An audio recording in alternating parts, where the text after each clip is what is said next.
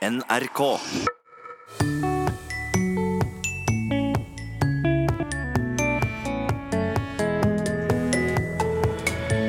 Sylvi Listhaug har brakt det politiske debattklimaet til kokepunktet den siste uka. Det er jo en forsøpling av den politiske debatten. Hva slags retorikk var det hun brukte? Jeg vil si at Sylvi Listhaugs utspill er en avskyelig stråmann. Og Statoil blir Equinor, et navnebytte som skapte litt oppstuss denne uka. Folk har jo hatt mye morsomt med det, og det kom litt som lyn fra klar himmel for, eh, for mange. Så det ble en snakkis eh, med en gang. Vel møtt til Språkteigen. Den siste uka har altså Sylvi Listhaugs Facebook-post om Arbeiderpartiet prege de politiske nyhetene. Hun skrev på Facebook Ap mener terroristenes rettigheter er viktigere enn nasjonens sikkerhet. Lik og del. Og så var en debatt om debatten i gang. Hun er landets justisminister, og det å uttale seg på denne måten mot Norges største parti, mot alle våre medlemmer, alle våre sympatisører, eh, det er uverdig for en justisminister i Norge.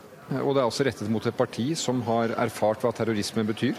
Jeg mener at debattformen som Arbeiderpartiet og Frp innimellom velger når det gjelder å tillegge andre, det får de ha seg imellom. Det er jo en forsøpling av den politiske debatten. Det er alltid fristende å prøve å være kort og konsis, men eh, dette var nok en kombinasjon også med bildet som, som jeg ikke syns at eh, vi skal ha i den offentlige debatten. Jeg står for at uh, Arbeiderpartiet har faktisk satt eh, hensynet til disse folkenes rettigheter foran å innføre et forebyggende tiltak. Det er jo et okay. faktum at de har gjort. Debatten nådde høyder vi sjelden har sett maken til, og endte med en unnskyldning fra regjeringa og etter hvert fra justisministeren. På vegne av regjeringen så, eh, så, har jeg ønsket å be om unnskyldning for eh, at den retorikken som, å eh, som regjeringen har brukt, har såret folk. Jeg mener at jeg nå flere ganger har gitt en uforbeholden unnskyldning. Det handler også om teksten. Og jeg vil selvfølgelig ikke nøre opp under holdninger som det som er beskrevet her. Derfor vil jeg si unnskyld hvis det er tilfellet, og det eh, er det. president. Vi ber om unnskyldning for retorikken som er brukt, sa Erna Solberg, og i Språkteigen skal vi se nærmere på retorikken. Ida Andersen, du jobber i retorikkgruppa ved informasjons- og medievitenskap ved Universitetet i Bergen, og hva slags retorikk brukte justisminister Sylvi Listhaug her? Sylvi Listhaug bruker her det vi kaller stråmannargumentasjon. Det vil si at uh, man konstruerer en ukorrekt utgave av uh, motstanderen sin, altså en stråmann, som ligner på motstanden. Og så argumenterer man imot stråmannen og later som at man har argumentert mot motstanderen. Og det gjør man gjerne ved å, ved å tilskrive motstanderen dumme eller ekstreme standpunkt og argument. Eh, enten med at man overdriver eller forenkler det motparten mener, eller at man rett og slett finner opp et standpunkt eller et argument som eh, man tilskriver motstanderen. Og, og, det kan man jo gjøre fordi at det er lettere å sette fyr på en stråmann enn på selve motstanderen. Eller sagt på en litt annen måte, da. Ofte kan det være enklere å argumentere mot et dumt eller et ekstremt standpunkt enn å forholde seg til motstanderen sine egentlige argument. Og det finnes flere typer stråmenn, gjør det ikke? Jo, det fins vel sånn fire hovedtyper av stråmenn. Vi har den avskyelige stråmannen, den ynkelige stråmannen, den delvise stråmannen og den adresseløse stråmannen. Hva er det Sylvi Listhaug bruker her, da? Jeg vil si at Sylvi Listhaugs utspill er en, ja, at hun bruker en avskyelig stråmann. Fordi det hun gjør, det er at hun, hun tar Arbeiderpartiet sitt standpunkt, som jo er at de ikke vil frata personer som mistenkes for å utgjøre en trussel mot nasjonens interesse, eh, statsborgerskapet, uten at det har vært innom en eh, domstol først. Og hun eh, sier at Arbeiderpartiet prioriterer terrorister sine rettigheter over nasjonens sikkerhet. Det ligner litt på Arbeiderpartiet sitt opprinnelige standpunkt, men det blir likevel så ekstremt at de ikke kan gjenkjenne seg i det. og som vi har sett den siste uken, at de heller ikke kan akseptere at de blir tillagt eh, et sånt standpunkt. Så egentlig så både tillegger hun Arbeiderpartiet motiv de ikke har, og så stiller hun opp en avskyelig stråmann. Ble denne stråmannen rett og slett for avskyelig? Ja, det kan vi nok slå fast nå. både dette daddelvedtaket som ble gjort i Stortinget, og dette mistillitsforslaget som, eh, ja, som skal stemmes over til uken, der, det viser jo at dette er utålelig for de fleste. Og så viser det òg at, at, retorikk det er ikke bare ord, eh, det er òg handling. Fordi at man utfører en handling når man fremmer og vedtar sånne vedtak. Man tar tydelig avstand fra denne typen språkbruk og holdninger. Og så er jo det mange som allerede har pekt på hva det er i Sylvi Listhaug sin stråmann som gjør at vi ikke kan tåle den. Og det som gjør den så utålelig for folk flest, det er jo ikke at Listhaug ved å stille opp en stråmann av Arbeiderpartiet trekker oppmerksomheten vekk fra saken og fra de argumenter som finnes for og mot det politiske forslaget.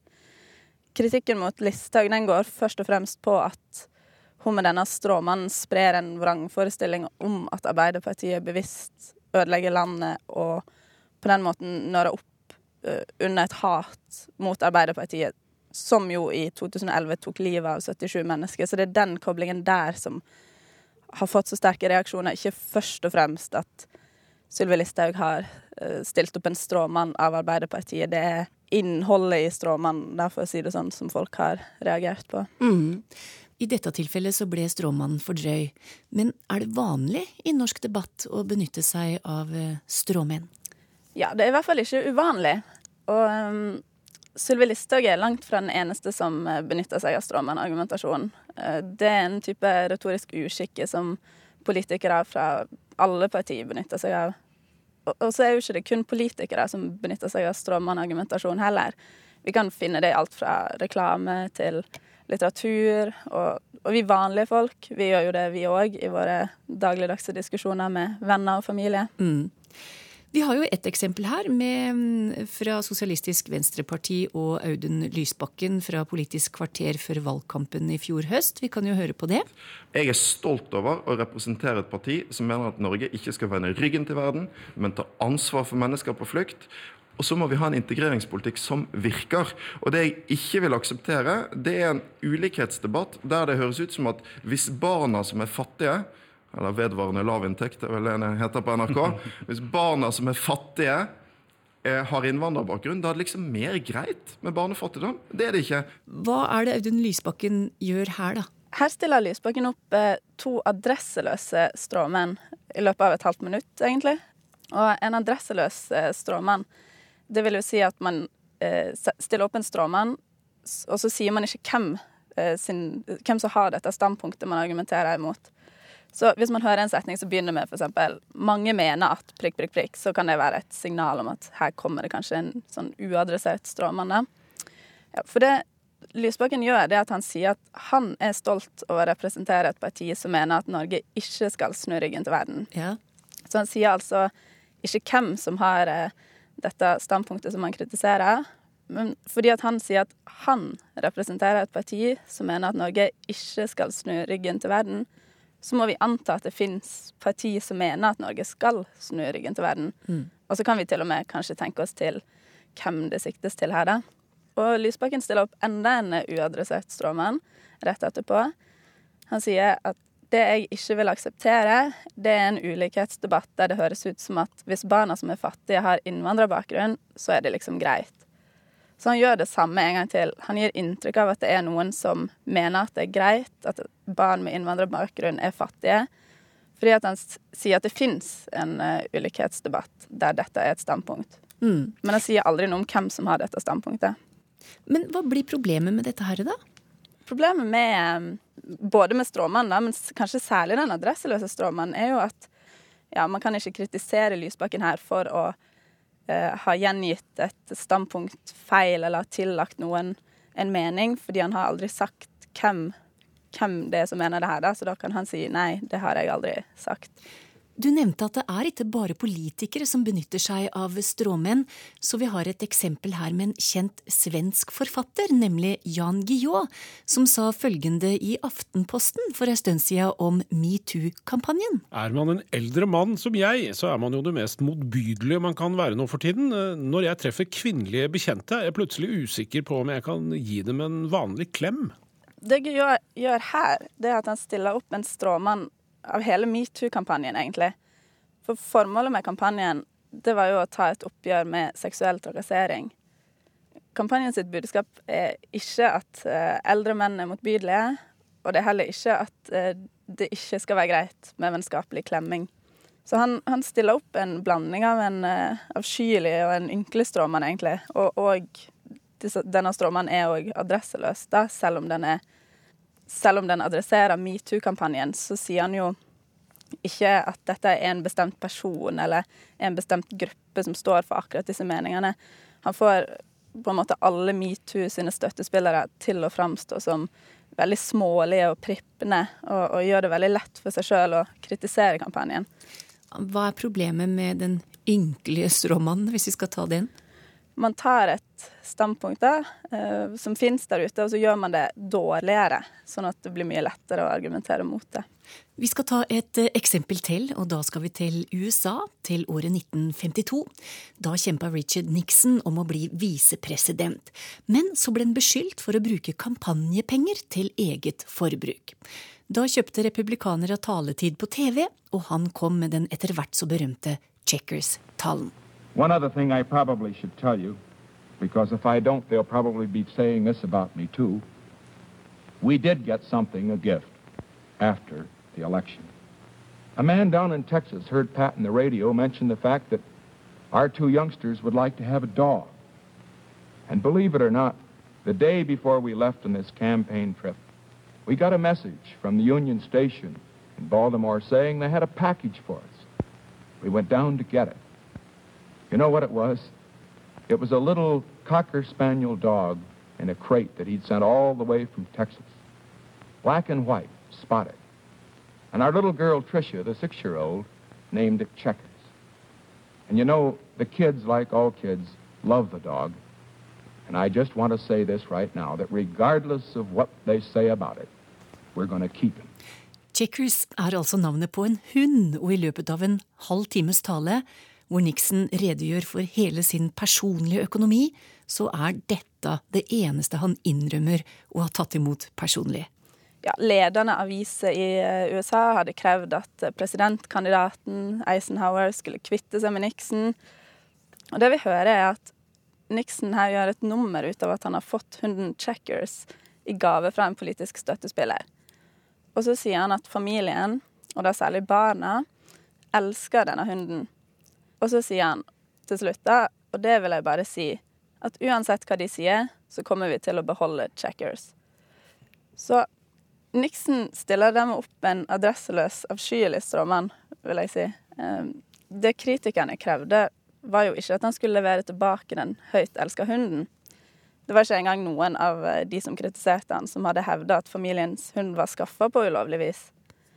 Det som han hadde blitt kritisert for, eh, var at han hadde tilegna seg og brukt penger på seg sjøl, som egentlig skulle gå til kampanjen.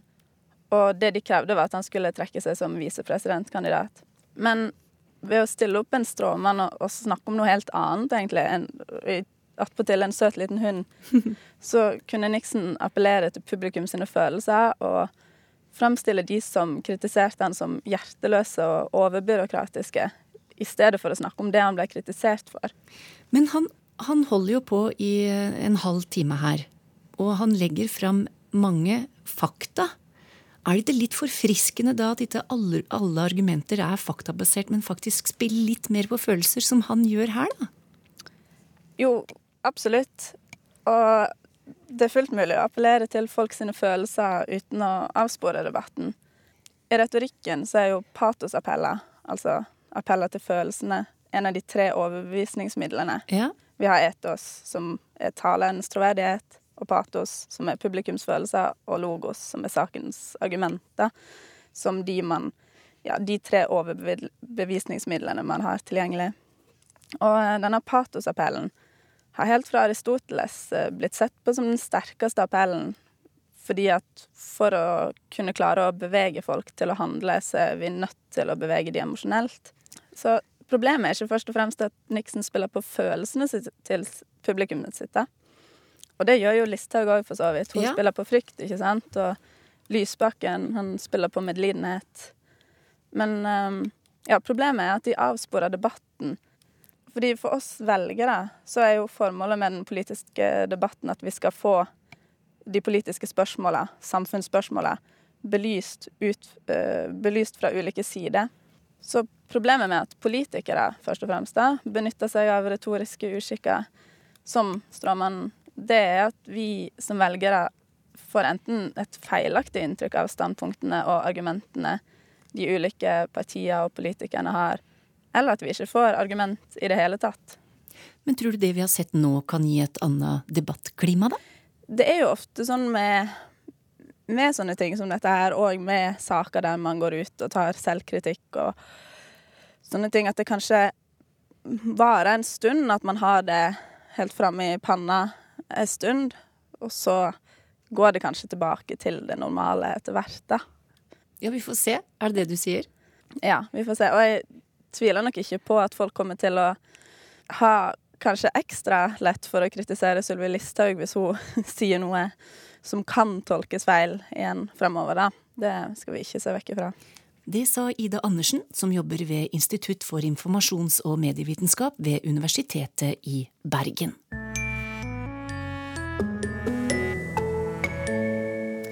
Så til et navnebytte som skjedde denne uka.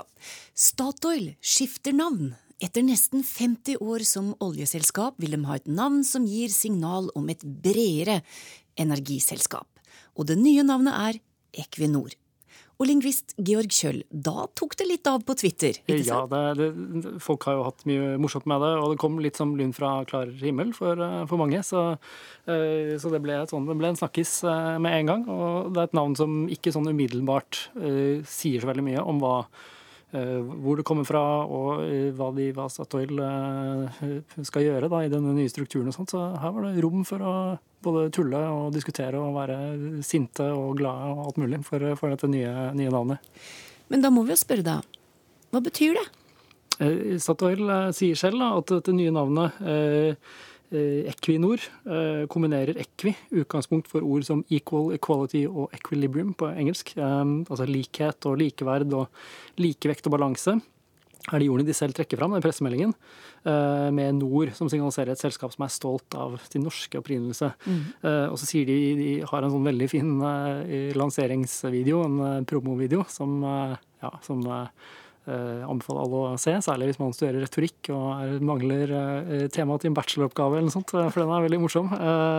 Okay. Veldig mye patos. Den, den, snakker om at vi har et ansvar for å forandre oss og finne en bedre balanse.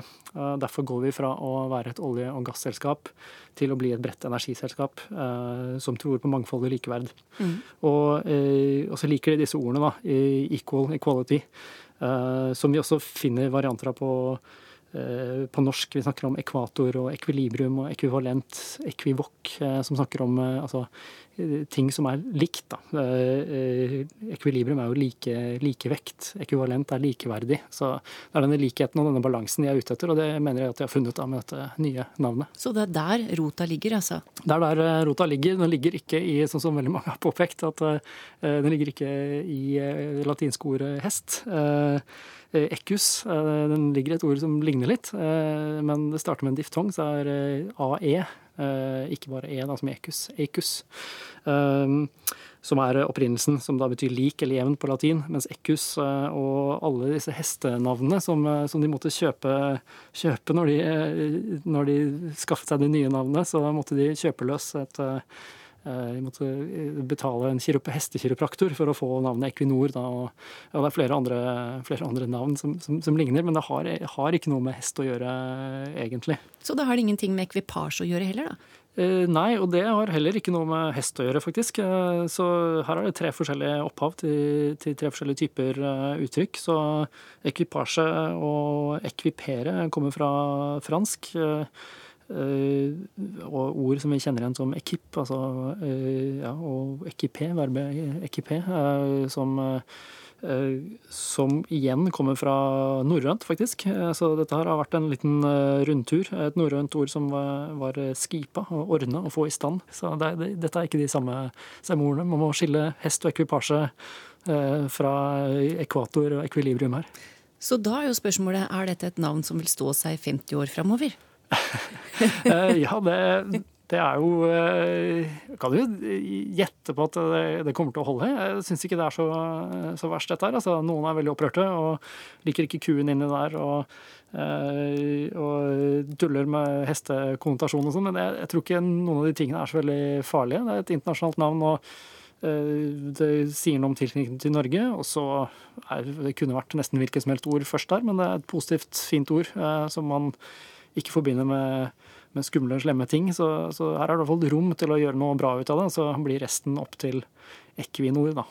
Skal vi si, hvis vi skal gi terningkast dette her, så kanskje vi skal gi terningkast fire. Nesten en triller over mot en femmer, men eh, den, eh, den eh, tvetydigheten i trykket gjør at vi lander på terningkast fire. Det sa Georg Kjøll, som er en av Språkteigens faste språkvitere, om navnebyttet til Statoil.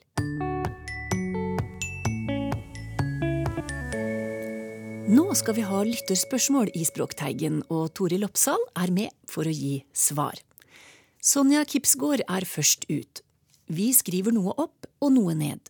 Vi kan òg skrive av, under og for, men i det siste har jeg sett begrepet skrive fram bli brukt både i studenttekster og fagbøker. Er dette en ny uttrykksmåte i stedet for å skrive opp eller ned, eller peker det tilbake på en tekst som er under utvikling, spør hun. Og hva sier du til det, Toril? Ja, dette er et spennende spørsmål, fordi vi kan skrive med en lang rekke preposisjoner og adverb. Vi kan skrive av og opp og ned og etter og på og ut og til. Og mange av disse kombinasjonene har også flere betydninger. Og noen har billedlige betydninger. Og det kan du skrive under på. Der har du en, en variant. Mm -hmm. Men det å skrive fram, det betyr to ting. Det ene er en eh, fagterm som er kobla til eh, bl.a. statistikk. Det er det å skrive fram, eller kanskje oftere det å framskrive, betyr å regne ut en framtidig utvikling. At du rett og slett beregner en framtidig størrelse av noe på bakgrunn av utviklingen så langt. Mm. Eh, så dette her handler om eh, tendenser. Mm. Men den betydningen som Sonja Kipsgaard peker på, den tror jeg er en litt mer spesialisert betydning. Det er der du skriver fram nettopp med vekt på prosess, som hun nevner, og kanskje også noe som handler om estetikk. Fordi dette her er noe vi finner ofte i beskrivelser av hva skjønnlitterære forfattere driver med. Eh, jeg har funnet eh, beskrivelser både av eh, diktere og av romanforfattere. Her er det en beskrivelse av en som skriver fram poesiens lys i skuggen av medias glans. Er ganske vakkert. Ja. Og en beskrivelse fra en avis av en romanforfatter. Hvordan han skriver fram bilder. Og dette her handler igjen altså om en tekst under utvikling, og hvordan man kan bruke denne teksten til å skape inntrykk og skape noe som er kanskje vakkert, og som gjør inntrykk på oss. Eh, det er litt vanskelig å ja, eh, måle eller finne ut av når denne bruken eh, starta. Fordi dersom vi måler i store samlinger med tekster, så finner vi den konkrete betydningen. Og så kan vi også sitte og skrive i et klasserom fram til det ringer ut. Ja. Eh, og et av de første treffene i Nasjonalbibliotekets baser er jo fiffig nok også det at det er tillatt å skrive fram. Underforstått ikke skrive frem. Så her er det nok likevel helt tydelig en tendens til en økende bruk av å skrive fram jo nærmere vår tid vi kommer. Så Sonja Kipsgaard har definitivt oppdaga noe her. Eh, men jeg har ikke sett veldig mange overbevisende eksempler på at dette her er noe som dekker den betydningen å skriftfeste, altså det å skrive opp eller skrive ned. Mm. Men vi får jo skrive oss dette bak øret og følge med på utviklingen, så kanskje skjer det noe. Vet dere hvorfor noen grønnsaker omtales med fedd, som hvitløk f.eks.? Er det noe som henger igjen fra dansk, spør Christian Onarheim. Eh, dansk er jo en eh, ja, skal jeg, si, jeg ser for meg det danske kjøkken. Og akkurat denne fedd, som kløftene eller båtene i hvitløken, har vi nok fra dansk, ja. Men vi har også et eldre norsk ord eh, som går inn i det samme betydningskomplekset. det norrøne fit, som betyr kant nederst på en kappe. Eh, som igjen er ganske beslekta med fot. Eh, men dette her er et artig ord å nøste i, Yeah. og jeg velger det verbet av en grunn. Eh, Fordi fedd er nettopp en bunt av garn eller tråd i en viss størrelse. Så en rund garnbunt den er tradisjonelt delt opp i fire fedd. Så det blir også en måleenhet, kan vi vel si, for garn. Eh, Og dette finner vi igjen i nynorsken i et fett og et fete, som betyr nettopp trådbunt. Og vi har sammensetninger som garnfedd. Og nå har jo strikking blitt mer og mer populært, Ja. så, så, så kanskje dette ordet får en eh, renessanse også i den betydningen. Og der syns jeg det er litt artig å se hvordan ordbøker også kan fortelle oss litt om oss sjøl. Fordi hvis du sammenligner den eldre danske ordboka med den moderne ordboka i Danmark, så har disse to betydningene bytta plass. Den opprinnelige betydningen knytta til garnfedde, den har nå kommet som betydning nummer to i den moderne boka, mens hvitløksfedde det har steget opp i rang. Du kan si at det kanskje er tilfeldig, men, men jeg tror ikke det. Men eh, hvis denne strikkebølgen fortsetter, så vil vi kanskje se at de bytter plass igjen. Bytter plass igjen. Ja. Bruker vi fedd på noen annen måte da, enn knytta til garn eller hvitløk? Eh, Det er vel det at noe er delt opp. Mm. Og vi har også en del eh, betydninger knytta nærmere denne kanten og kappa og fot. Eh, Så hvor grensene går der, det skal ikke jeg uttale meg om her og nå, men, men det at noe er delt opp, og i utgangspunktet er rundt, og der er nok også koblingen mellom disse runde garnbuntene og hvitløken, i hvert fall det, som jeg ser for meg, Eh, og at de er delt opp i jevne fire deler. Vi løser middagen for deg, skriver en dagligvareforretning i en reklame. Man kan løse en ligning, et problem eller ei gåte, men kan middagen òg løses, spør Helen Wølstad. Ja, Det er et artig spørsmål. Eh, og dette er jo en reklame, eh, og reklame henger ja, nært sammen med markedskrefter. Og i disse tider så er det uhyre populært med matkasser, har, jeg, har jeg sett. Og det at man får solgt inn middagsløsninger til så mange mennesker, og at det er et marked for det, taler for at denne reklamen spiller på det at middagen oppleves som et problem. Og da er det noe som må løses. Og noen løser dette problemet for deg. Eh, Og av og til er det en gåte hva vi skal ha til middag når vi åpner kjøleskapet. Så da er det også greit at noen løser dette. Altså Fra spøk til alvor. Det er en pussig, men effektiv konstruksjon, eh, vil jeg påstå. Klassisk reklamespråk, kanskje? Ja. Men vi kan nok se for oss at dette er noe som utvikler seg i andre konstruksjoner og andre sammenhenger også. Der vi løser noe som ikke i utgangspunktet er løsbart. Mhm, mhm. Og vi kan også slippe noe løs. Så kanskje dette uttrykket nå er, er noe som har kommet for å bli. Følg med, følg med. Følg med. Takk skal du ha, Toril Oppsal. Med det er Språkteigen slutt for i dag. Ha det bra.